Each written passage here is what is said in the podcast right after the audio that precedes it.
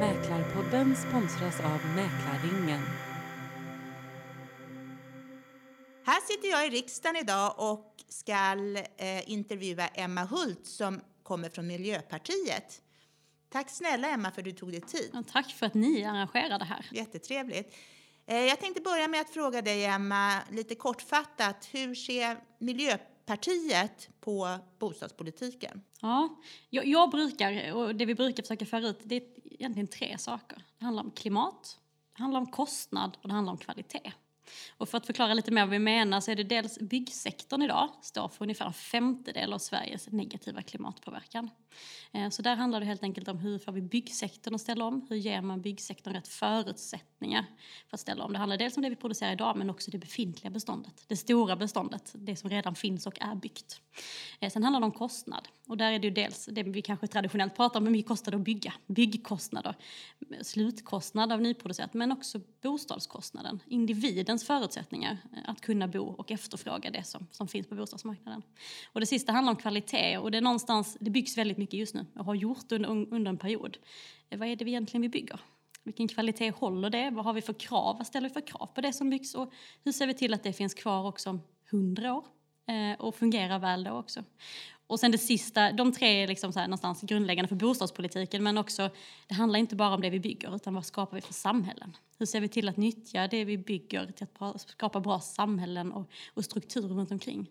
Utrymmet mellan husen till exempel är oerhört intressant. Människor finns där också. Det är inte bara i bostäderna man är utan också allting som finns runt omkring. Hur, hur, bygger vi ett samhälle, ett hållbart samhälle? Ja, jag fick lära mig ett, ett nytt begrepp för ordet mellanrum häromdagen. Är det det du åsyftar då? Vi, vi, Mellanhusen. Att jag tog del av en debatt där man pratade om mellanrummen. Mm. Att man la fokus där och att man såg att det var ett väldigt viktigt, viktig del av hur man planerar ett område utifrån även feministiskt perspektiv. Att man pratade om att mellanrummen idag nyttjades eh, till största delen av män. Okay. Är det någonting som ni... Ja, när du pratar om det här ja, med mellanrum, du ja. sa, hade ett annat ord för det, men mellan bostäderna. Ja, men precis. Men utrymmet mellan husen helt enkelt. Och dels handlar det om vem som, vem som nyttjar det. Vem känner sig välkommen i de här utrymmena? Är det tryggt att vara där? Upplever man det som en trygg miljö? Är det tryggt för barnen? Känner barnen att de vill vara där och leka? Eller är det bara områden som inte används?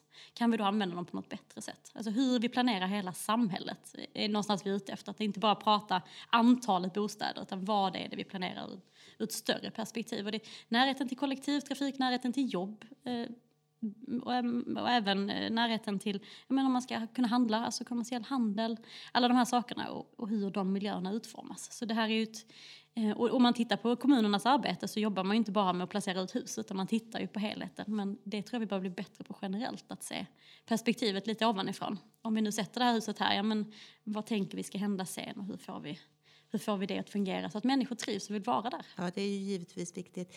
Bostadsbristen, anser ni att den är så allvarlig som media framställer den och i så fall vad har ni för förslag på att råda bot på den? Mm. Eh, för vissa i vårt samhälle är bostadsbristen så allvarlig som media framställer den. För oss eh, så tänker jag att vi är nog inte, vi har nog ganska bra bostad du och jag till exempel. Jag tror att vi, vi bor säkerligen någonstans där vi trivs. Vi har också möjlighet att flytta om vi vill det, för jag gissar att vi har, har de ekonomiska förutsättningarna. Men bostadsbristen för de som står längst ifrån bostadsmarknaden är absolut akut. Så, så när det finns individer som inte har tak över huvudet eller måste förlita sig på socialtjänstens verksamhet för att kunna få det för natten, Ehm, då är den akut.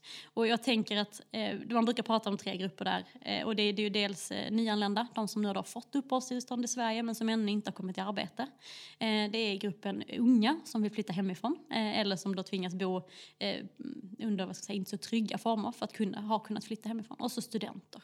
Så det är de tre grupperna. Och vi ser också att gruppen nyanlända är en växande grupp. De har fått anvisning på två år och det kom en dom idag såg jag ehm, där, där Lidingö kommun fick rätt rätt att inte fortsätta eh, upprätthålla eh, sitt hyreskontrakt med de här efter två år så att de, då ska ut på den ordinarie bostadsmarknaden. Och det är individer som, som just håller på att rota sig i samhället. Så ja, den är akut för vissa grupper. Och, och det, grundorsaken är ju att det finns för få bostäder som går att efterfråga. Man diskuterar mycket, finns det för få bostäder? Antalet bostads ytekvadratmeter i vårt land är ganska stor.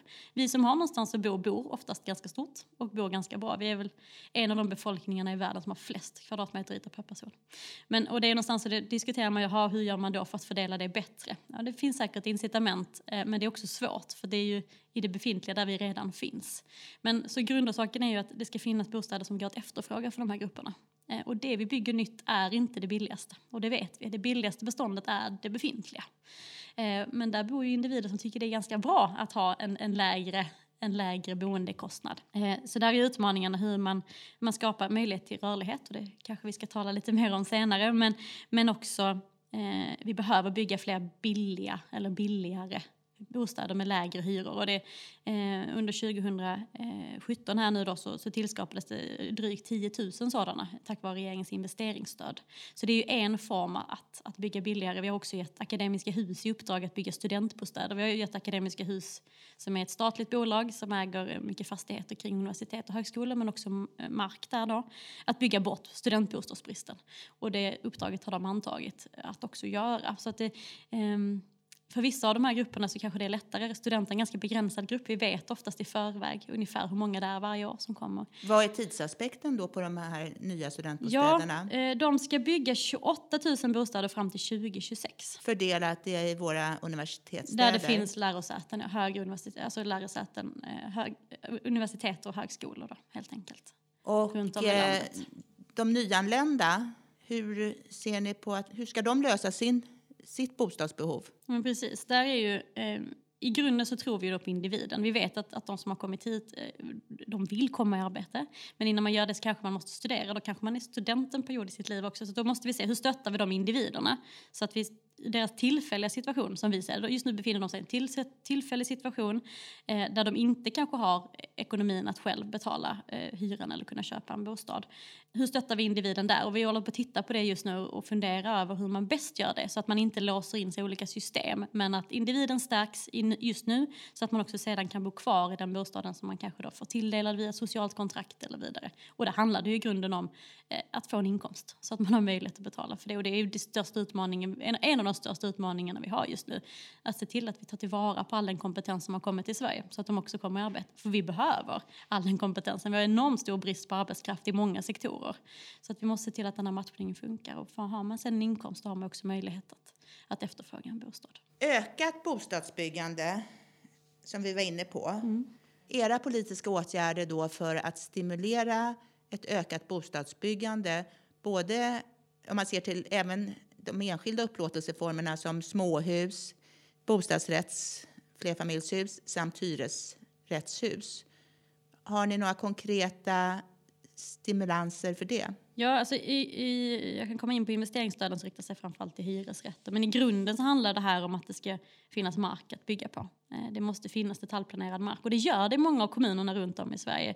Kommunerna vittnar ju om att de har en väldigt bra planberedskap just nu men att aktörer inte just nu är intresserade av att bygga i lite mindre vad ska man säga, attraktiva... Nu ska man inte, det ska inte, man, ska, eh, man ska inte... Att, kommun, att, att kommunerna upplever att, att det byggbolag som bygger just nu vill bygga där man tjänar mest pengar och att det då blir mark som blir stående som inte blir bebyggd. Um, och det finns också en utredning som tittar på det just nu, hur, hur det faktiskt ser ut. Uh, och det är ju en kollega till mig i utskottet, Nooshi Dagosta, som tittar på det. Och det där är ju eh, oerhört intressant. Eh, för det viktigaste är ju såklart att det finns mark att bygga på. Eh, och hur ser man till? Och där ligger ansvaret på kommunen. Kommunen har det kommunala planmonopolet men också bostadsförsörjningsansvaret. Men det regeringen har gjort eftersom man upplever att det under lång tid har byggts för lite. Mm. Det första vi egentligen gjorde det var att börja prata om de här frågorna på nationell nivå. Det har inte haft det utrymme det borde ha i den nationella debatten. Och inte heller i den nationella mediedebatten. Eh, det är tråkigt att en fråga först ska komma dit när det blir kris. Mm. Eh, när, det upp, alltså när, när människor upplever att, att det är ett så pass allvarligt problem. Det är först då det blir eh, medvetande hos, hos individer. Så dels är det det, vi måste prata med om de här frågorna och det har vi också gjort. Kommunerna har också tagit ett större ansvar, det ser vi. Det planeras och byggs runt om i de flesta kommuner i Sverige idag. Många av de kommunala bostadsbolagen har gått ifrån att bara förvalta ett bestånd till att faktiskt börja planera för att bygga nya bostäder. Och det är ett, jätte, ett jätteviktigt steg att ta. Sen har regeringen investeringsstöden. De stimulerar ju inte fram eh, en, en familjs, alltså villor e-, eller för den delen bostadsrätter. Det byggs ganska mycket bostadsrätter och det är också det vi har sett som det har byggts mest av de senaste åren. Det vi har sett som det har byggts för lite av är ju hyresrätter, framförallt hyresrätter med lägre hyror. Och då har regeringen Eh, gått fram med ett investeringsstöd eh, för att försöka stimulera den delen av marknaden. Men man har också en, en, en kommunbonus och den kanske har hjälpt en hel del av kommunerna att också komma igång med sitt planerande. För där krävs det till exempel att man ska uppdatera sitt bostadsförsörjningsprogram så att man ska anpassa det efter att, att det ska byggas för alla kommunens invånare. Men också sin översiktsplan. Man ska bygga bostäder och ta emot nyanlända. Då får man stöd från regeringen via pengar då. Ehm, så de två stöden är det som regeringen har gjort rent pengamässigt. Men man har också Eh, Länsstyrelsen är ju ett organ som många ofta säger är kanske en bromskloss eller ett problem. Men vi har då gett eh, Länsstyrelsen ett riktat uppdrag att alltid prioritera bostadsbyggande. Och att bostadsbyggande ska vara det området som prioriteras när, när man stöter på olika problem. Eh, för att få bort det som hinder. Ser ni att det fungerar? Jag upplever det när man, man åker runt i landet och träffar olika eh, kommuner och så, så, så, upplever jag att, eh, att de säger att Länsstyrelsen eh, har ju fått ett uppdrag att jobba riktat och att man också gör det. Sen eh, kan jag inte svara för om alla länsstyrelser gör det riktat men det är också ett verktyg, det är ju regeringens förlängda arm ut i landet. Och då är det ju ett verktyg jag tycker vi ska använda. Så det är också en bra ett, ett bra incitament att, att helt enkelt Länsstyrelsen också ska jobba eh, prioriterat med bostadsfrågorna. Partiideologiskt, är det någon upplåtelseform som ni förordar? Det skulle jag inte säga. Eh, om, man, om man tittar rent ideologiskt vad som står så står det att människor ska ha rätt att bo och man ska också få bo där man vill. Eh, det är där vår ideologi ligger någonstans, att tak över huvudet är den rättighet eh, som ligger närmast om hjärtat. Jag tror att alla de upplåtelseformer som är vanliga idag behövs. Jag tror också att nya upplåtelseformer behövs. Jag tror vi behöver titta bredare, titta runt om i Europa. Hur bor man i andra länder? bygg och bogemenskap är en sån här upplåtelseform som, som vi har väldigt lite av i Sverige. Det finns ett antal projekt runt om i landet. Både Göteborg och Uppsala planerar väl också för det. Eh, vi kanske behöver titta på ägarlägenheter. Vi, vi kanske behöver titta på kollektiva lösningar generationsboenden. Hur, hur, hur, som sagt, det vi bygger idag ska ju helst stå där om hundra år. Hur vill vi då bo om hundra år? Kommer vi ens åka till en arbetsplats fem dagar i veckan? Eller kommer vi behöva ha möjlighet att gå till ett hus jämte huset där vi bor för att kunna jobba? Finns det, vad finns det för lösningar? Hur planerar vi samhället framåt? Men ideologiskt så skulle jag säga att eh, där ligger, det viktiga är ju där, att man har någonstans att bo och att man, att man, att man inte eh, att man som individ eh, känner att, att det är en rättighet som man helt enkelt kan åtnjuta. Du nämnde det här med ägarlägenheter. Det var ju ett begrepp och en möjlighet som infördes för ett antal år sedan som definitivt inte har nyttjats i särskilt stor grad. Har ni några tankar kring det? Varför? Eh, jag har funderat en del kring det. För vi hör också ofta i debatten att vi måste göra det ännu enklare. Men jag tror någonstans som att jag tänker att den här marknaden är ganska styrd efter vad som produceras. Och bostadsrätter är en form som har producerats väldigt mycket, även sedan denna förändringen mm. gjordes. Eh, och det är ju en form som är eh, ganska, vad ska man säga, för individen kanske inte lika stort risktagande. Man känner kanske att det är lätt att äga en, en andel i en bostadsrättsförening, man gör det kollektivt tillsammans. Men, men också helt enkelt att, att efterfrågan finns väl inte för det. Eller, eller så är det väl så att människor inte har förstått att den formen att Nej, jag tror snarare finns. så att byggbolagen de har väl läst på kring begreppet, men i och med att gemene man är så okunniga om begreppet så vågar de inte bygga ett flerfamiljshus och gå ut på marknaden och sälja det som ägarlägenheten. Och fördelar med ägarlägenheter, som jag ser det personligen, det är ju att där finns det ju en mycket, mycket större möjlighet till att man skulle kunna se det som en investering istället för att ha pengarna på banken och kunna ha den då uthyrd. Mm. För det finns ju inga begränsningar i ägarlägenheten att man skulle kunna få hyra ut den som det finns i en bostadsrätt. Mm. Så, nej, eh, nej, precis. Så jag tycker det är väldigt synd personligen. Att det inte är större i Sverige idag. Absolut. Ja. Men jag tror att det är en okunskap och jag tror att det finns en rädsla i eh, att köpa en sån för man kan inte sin lag tillräckligt mm. väl. Ja, det, det ligger säkert en hel del i det och det tänker jag också, det är alldeles för få som vet vad det innebär att äga en bostadsrätt också. Ja, förvisso. Alltså kunskapen generellt på det här området, alltså, vad innebär det, vad har man för skyldigheter som mm. bostadsrättsinnehavare? Mm. Det är det inte så många som känner till och vi ser ju också vissa bostadsrättsföreningar har det ganska tufft. Och att man ska sitta i en styrelse, ja, vad innebär det mm. uppdraget och vad har man för ekonomiskt ansvar där? Mm. Um, spontant så känner jag att det här är ju någonting som vi kanske borde prata mer om också i skolan. Alltså vad innebär de olika upplåtelseformerna för kommande generationer och hur viktigt är det? Hur sprider vi den här kunskapen? Mm. Um, sen så kan jag inte säga att den ena bostadsformen är bättre än den andra. Nej, det kan ju vara beroende um, på vilket skede man är i livet och precis. hur man är som person. En annan sak som jag också har noterat är ju att många av våra nyanlända de är ju vana att bo flera generationer mm. i bostäder. Och det kan ju också vara någonting som man kanske ska se som bostadsproducent i takt med att vi blir mer och mer internationella i Sverige. Mm. Det är ju inte ovanligt där att man bor tre till fyra generationer i samma bostad. Nej, Nej och jag kan säga personligen själv också så, så tänker man att ens föräldrar börjar bli äldre. Eh, och, och, vi har en diskussion kring att det finns trygghetsboenden som nu byggs i ganska stor takt men det är också en boendeform som är ganska dyr för individen ja. att bo i. Um, jag är inte helt främmande heller för att det kanske även, man behöver kanske inte vara född i ett annat land för att tycka eller ha en annan bakgrund för att tycka att det är ett intressant alternativ. Det, för, för, det kan också bli en billigare boendekostnad. Jag tänker på många av de eh, villor som byggdes under 50-talet är ju byggda för att ha en uthyrbar del. Man fick, mm. man fick bidrag för att bygga så. Och där finns det ju redan inbyggt ett oftast ganska generöst trapphus och, och möjlighet till pentry eller kök mm. på annan våning. Så en stor del av det befintliga beståndet där vi idag då bor relativt billigt därför att vi har köpt under perioder och fått göra avdrag och så där. Det finns ingen fastighetsskatt på det längre i den storleken som det är idag. Um, gör att det finns delar av beståndet som skulle passa alldeles utmärkt för flergenerationsboende men de som bor där bor ju ganska bra och kanske inte vill upplåta det. Nej, och lite rädsla om man ska ta in någon helt främmande förmodligen i sin också, bostad. Säkert också. Men jag, men jag tror absolut att generationsboenden eller i alla fall någon, någon form av kollektivitet där man kanske kan dela vissa ytor. Ja. Där säkert också familjer som, som då vill, kanske, man kanske vill ha svärmor, eh, svärmor i närheten men, men inte på heltid. Till exempel. Det finns säkert de som vill det också. Men jag, men jag tror, och jag tror också att vi behöver se en större bredd i det vi bygger. Vi kan inte, och framförallt måste vi bygga det flexibelt. För jag menar, visst, vi kan bygga små lägenheter idag. Men om 15 år kanske det inte är det som efterfrågas. Hur kan vi då bygga det så att det lätt går att ställa om till någonting annat? Um, vi är, det är en bransch som är ganska fyrkantig. Och vi bygger eh, nästan likadant överallt. Eh, det är klart man kan förändra fasadmaterial och göra sådana saker men hur själva utformningen av lägenheterna till exempel så det är ganska likt därför att vi har ett regelverk som riktar åt det hållet. Mm. Och då är frågan, är det så det ska vara? Eh, vi var ju tidigare inne på att eh, ni har då försökt att underlätta byråkratin kring byggnationer. Mm. Och då undrar jag, är det någonting ytterligare som ni har önskemål kring en förändring för att göra hela från det är att man köper en bit mark som man har för avsikt att bygga på till att man kan sätta första spadtaget i mm. jorden. Ja, det jag tänker som, som är grunden egentligen är det här, vi har gjort, det har gjorts ganska mycket förändringar i plan och bygglagen som egentligen är den lagstiftning som då ligger på civilutskottets bord och inom vårt beredningsområde.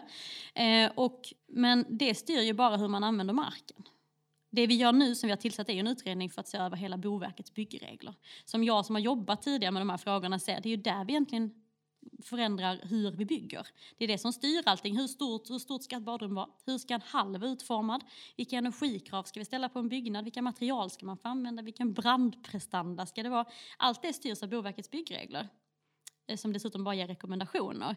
Och där tror jag, och det håller vi på att se över nu, vi har inte kommit med de, eh, lag, eller de förändringsförslagen än, eh, men det finns en utredning som ligger på tre år som ska se över hela Boverkets byggregler och närliggande regleringar. Och där tror jag verkligen att vi kan göra saker. För det är inte utformat, I min värld så är inte det regelverket utformat för hur vi ska bygga framåt.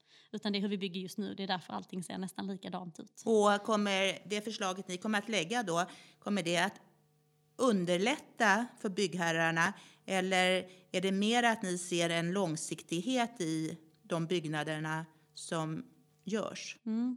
Eh, det finns flera faktorer som man har skrivit i det här direktivet men en av dem är att det ska bli enklare processen ska bli enklare och det ska också bli tydligare. Idag så är det ju eh, en vägledning, man säger, det är rekommendationer, men det används nästan som lag. Och bara det, att, att tydliggöra vad ska det egentligen vara? Ska det vara en rekommendation, vilket gör att det går att hitta nya innovativa lösningar, att lösa det på samma sätt så att man uppnår kravet men inte exakt som det är beskrivet i text. Och det andra är också det långsiktiga perspektivet så att det vi bygger också eh, blir bra ur ett långsiktigt perspektiv. Men ett av dem är också att det ska vara enklare eh, och det är viktigt därför att det vi ser just nu är att vi bygger betydligt mycket mer industriellt. Vi går mot en industrialisering av bygg, byggbranschen, eh, vilket jag tycker är bra för det innebär att fler kan komma in på marknaden, framförallt de småhusproducenterna som nu ställer om till att bygga lägenheter. Och då tänker jag att då måste också regelverket anpassas så att det är flexibelt så att det går att använda för, för det vi kanske kommer på att vi ska bygga om tio år. Eh, och att, att det är ett regelverk som, som bygger för framtiden och inte som vi alltid har gjort. Så ett, ett av dem bör vara att det ska vara enklare också. Ja. Det låter bra. Eh, ganska nyligen så införde man ju ett ytterligare amorteringskrav. Och jag undrar, er uppfattning kring det? Bra eller dåligt? Ja, ja alltså regeringen har ju, har ju sagt ja till det här och, och där är Miljöpartiet en del. Och man ser att hushållens skuldsättning har ökat mycket under, under flera år. Just nu ser vi en avtrappning, eller det har väl stannat av lite i prisutvecklingen. I princip helt stillastående i Stockholm. Ja, precis. Och, och då är ju Sverige större än Stockholm, men Stockholm är ju ett riktmärke för, för trend och, och känsligheten, absolut, eftersom det är där marknaden är som starkast. Det här är en utveckling vi följer noga. Bara för att man har infört det här nu så innebär ju inte det att, att det ska vara så för all framtid. Eh, men, men en av anledningarna var ju också att vi tycker att priserna har skenat eh, väldigt fort på den här marknaden och hushållens skuldsättning ökar. Eh, så att det infördes och vi får helt enkelt följa den utvecklingen. Vi har ju dock inte sett någon katastrofalt ras än så länge. Jag såg också själv på min bostadsrätt att det gick ner några månader här inför jul men, men nu har det faktiskt börjat gå upp i värde igen. Så att det, vi får väl se, det kanske tar en ny skjuts uppåt ännu högre. Det handlar ju helt enkelt om vilken, vilken ekonomisk förmåga hushållen har att kunna efterfråga det som finns på marknaden. Eh, men vi upplever ju att, att någonstans finns det väl en gräns för det också. Hur, hur många procent av sin inkomst ska man lägga på sin bostad? Och där blir det också en delning i samhället, de som inte har så höga inkomster. Och du tror inte att den gruppen drabbas hårdare av det nya amorteringskravet än de som har väldigt mycket pengar. Det är ju utformat som att, eh, att såklart, att tjänar man lägre så når man ju fort, fortare det taket på amorteringskrav som det nya amorteringskravet innebär. Absolut. Men det är också den gruppen som, som då eh, skulle skuldsätta sig högre. Så skuldsättningen skulle också bli högre hos individen. Jag tror att vi behöver utvärdera det här noga och se vilka effekter det får. Eh, men, men det blir också en effekt att om, om prisläget stannar av så kommer den här gruppen också ha lättare att, att kunna efterfråga. Eh, för ju mer priserna stiger blir det också dyrare för den gruppen som då inte har lika höga inkomster. Så det är ju dubbel, det är en dubbel effekt i det. När man säljer sin bostad idag så utgår ju viss reavinst. Är det lämpligt att ha kvar de reglerna eller har ni en annan uppfattning? Ja, jag, jag tror... Eh, vi har gjort en del förändringar från regeringens sida Eh, det var väl 2016 man la de förslagen om uppskov och så. Ja, man förändrade uppskovsreglerna. Precis. Ja. Ehm, jag tror att det är fler områden vi behöver ta ett större grepp om. Kapitalvinstbeskattningen är en del i det. Ehm, jag tror att vi kommer behöva en blocköverskridande överenskommelse och vi skulle redan ha behövt den, eh, skulle jag säga, för att få ett, ett bredare grepp eh, där det här är en del som behöver diskuteras. Hur, hur vi egentligen beskattar och hur, vad får det för effekter? Eh, och varför, eh, varför är det utformat som det är och styr det mot rätt mål. För även nu då om man har gjort uppskovsreglerna lite mer generösa än tidigare så är de ju betydligt sämre än vad de var tidigare. Det vill säga att nu måste man ju betala det vi kallar för uppskovsränta. Och den är ju sett till rådande bankränta ganska dyr. Ja, och det är ju för att rådande bankränta är väldigt, väldigt låg ja, just nu. så det så finns ju ett samband ja. kring det givetvis. Eh, och eh, många äldre framför allt, de väljer ju, eller resonerar, de bor i ett hus som är absolut inte lämpligt för dem. Det är tre trappor, tre våningar, det är en massa snöskottning etc. Och de säger att nej men vi har inte råd att flytta för att de här, den här nyproducerade lägenheten är så dyr och ska vi skatta bort hela vår vinst så finns det ju ingenting kvar. Eh, och i vissa andra av våra nordiska grannländer där har man ju då när man säljer sin bostad ett regelverk som säger om du har ägt den under ett visst antal år att skatten reduceras eller helt uteblir. Är ja. det någonting som skulle kunna kännas som ett alternativ? Jag tror att det, det, det är en väg vi behöver diskutera. Eh, någonstans också, i det här får man inte heller glömma att det här är ju en grupp som på bostadsmarknaden har haft det väldigt bra. Man, man har kommit in i, i, i perioder eh, där man, där, vilket gör att man idag bor väldigt billigt. Men många gånger beror det ju på att den gången de köpte sitt hus för jag kan ju bara se på mina föräldrar mm. som har bott i sitt hus i 40 år och när de köpte det huset så var det absolut inte billigt. Nej, nej. För men- dem då. Precis. Men däremot för att de har bott länge Ja. i ett hus och när man ser till köpeskillingen de då betalade så med dagens ögon så givetvis var det, ser man det som billigt, men det var ju absolut inte billigt då, utan man måste ju se till, man kan, många av er tycker jag resonerar just på det sättet att ja, de som köpte för länge sedan, de har haft det så bra, men när de väl, den gången de köpte så var det absolut inte billigt, utan det var ju förenat med en mängd uppoffringar i deras privatekonomi vid det givna tillfället. Absolut. Jag kan också se på min egen pappa som också Mm. bor kvar på landet i ett hus som kanske inte är det absolut mest optimala egentligen. Sen så, och, och frågar man honom då, eh, så hans anledning till att han inte vill flytta det är ju för att han vill bo där. Och Och då ska han givetvis bo kvar. Ja, men jag tror, jag, jag kan absolut tänka mig att det är en hel del som säkert anger kapitalvinstbeskattningen som ett skäl. Men det kan ju inte vara, jag tror inte att det är den, den enda och största anledningen. Jag tror att det är flera delar i det här vi behöver se. Vi behöver se till att det finns någonting att flytta till som känns attraktivt att faktiskt flytta till. Eh, men om man nu då ska ta det steget, för det är som sagt var ofta så är det det nyproducerade som man kanske flyttar till för att det ska vara så tillgängligt som möjligt, för att man tänker framåt vad som händer. Eh, så är det eh, dyrt. Det är ett dyrt del av beståndet. Där är också, då om man tittar på regeringens investeringsstöd, kanske ett alternativ som faktiskt sänker hyrorna i en del av beståndet. Men också om man nu då ska betala så pass mycket, vad är det man vill ha utöver det? Vill man då till exempel bo i ett trygghetsboende? Som för den delen inte ska ses som någon placering utan snarare att här finns det möjlighet till hjälp. Det finns personal. Man kan få köpa olika tjänster av sin hyresvärd och också där, eller kanske då bo kollektivt. Alltså det finns säkert hur, eh, vi har bott grannar med de, de här två paren, eller tre paren har bott grannar sedan de köpte det här huset. Ja, då kanske man vill fortsätta kunna göra det och då kanske det finns andra former. Så att jag tror att vi också ska se vi, vad, vad är det man då ska kunna erbjuda de här individerna att flytta till. Eh, men, men det är klart att jag ser också utmaningen i att, att kanske till och med änkan bor kvar i stora villan Ehm, där barnfamiljen definitivt hade kunnat flytta in.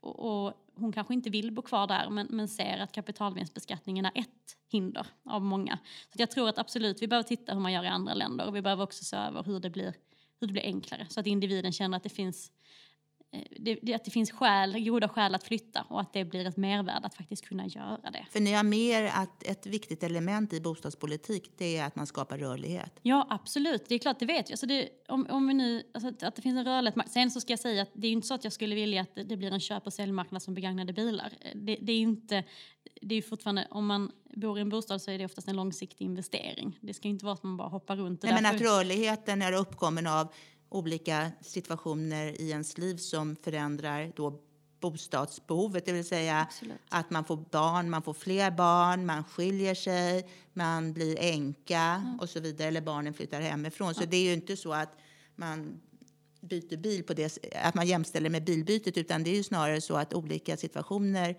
uppkommer och behoven förändras utifrån de uppkomna situationerna. Absolut. Och jag, jag, tror att, jag tror att det här kommer vara, jag hoppas att vi får en, en blocköverskridande både samtal och överenskommelse eh, så snart det går. Och det blir troligtvis efter valet eftersom det snart är val och vi måste ha någonting att bråka om som man säger. Ehm, men det här, är ju, det här är ju den största investeringen en individ gör oftast i sitt liv om man köper ett boende.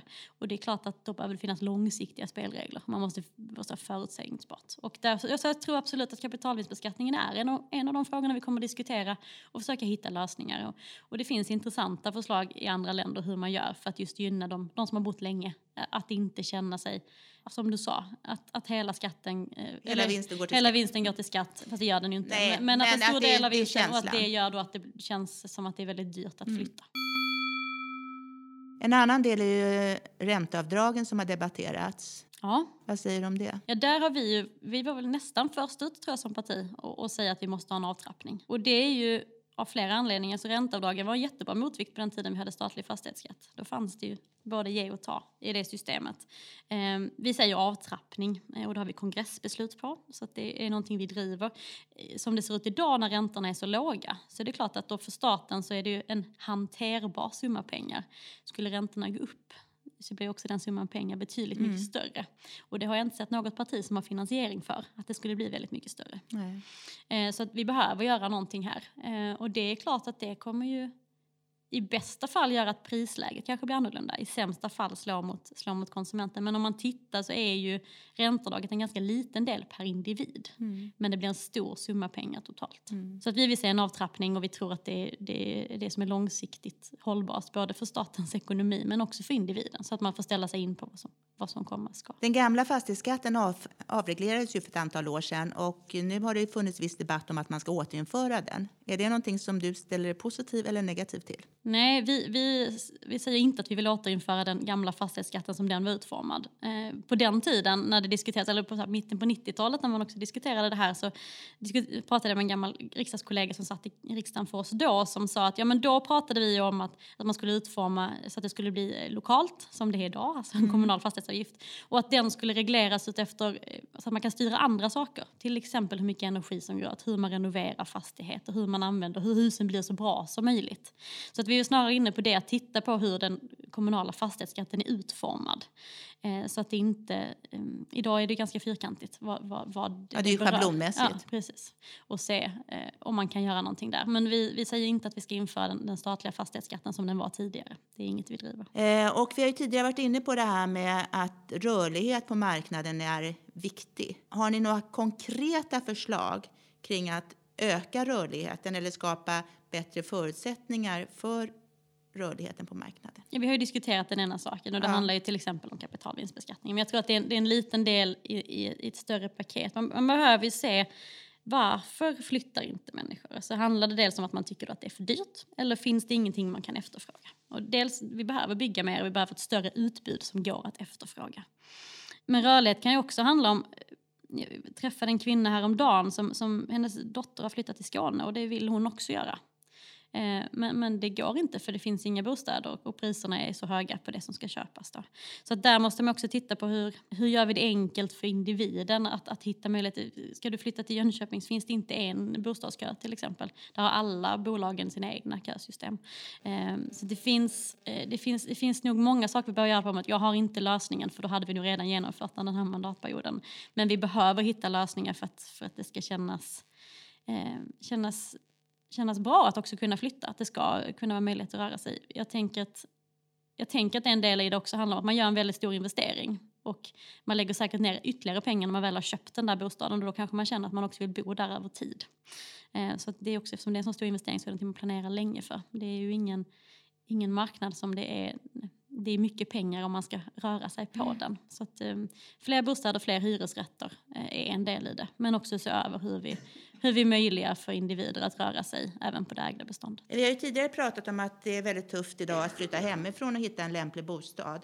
Och det har ju, förts, det har ju framförts vissa förslag kring att man ska då införa någon typ av ungdomsbosparande. Är det någonting som Miljöpartiet tycker är en bra idé, eller? Vi är lite skeptiska just nu, därför att om vi tittar på, i Norge är det framförallt som har en sån här mm. modell. Tittar vi på den modellen så det hjälper ju absolut den grupp som, eh, som har föräldrar som har möjlighet att spara de där pengarna till en, eller om man har möjlighet till ett extrajobb. Men den gruppen som står längst från bostadsmarknaden kommer troligtvis inte gynnas och det visar också de norska rapporterna. Eh, så det kan absolut vara ett verktyg. Men det är nog inte det som, som löser bostadskrisen akut. Kanske för en del av dem eh, vars föräldrar har möjlighet att börja spara till dem tidigt. Eh, eller om hur man nu ska lösa det.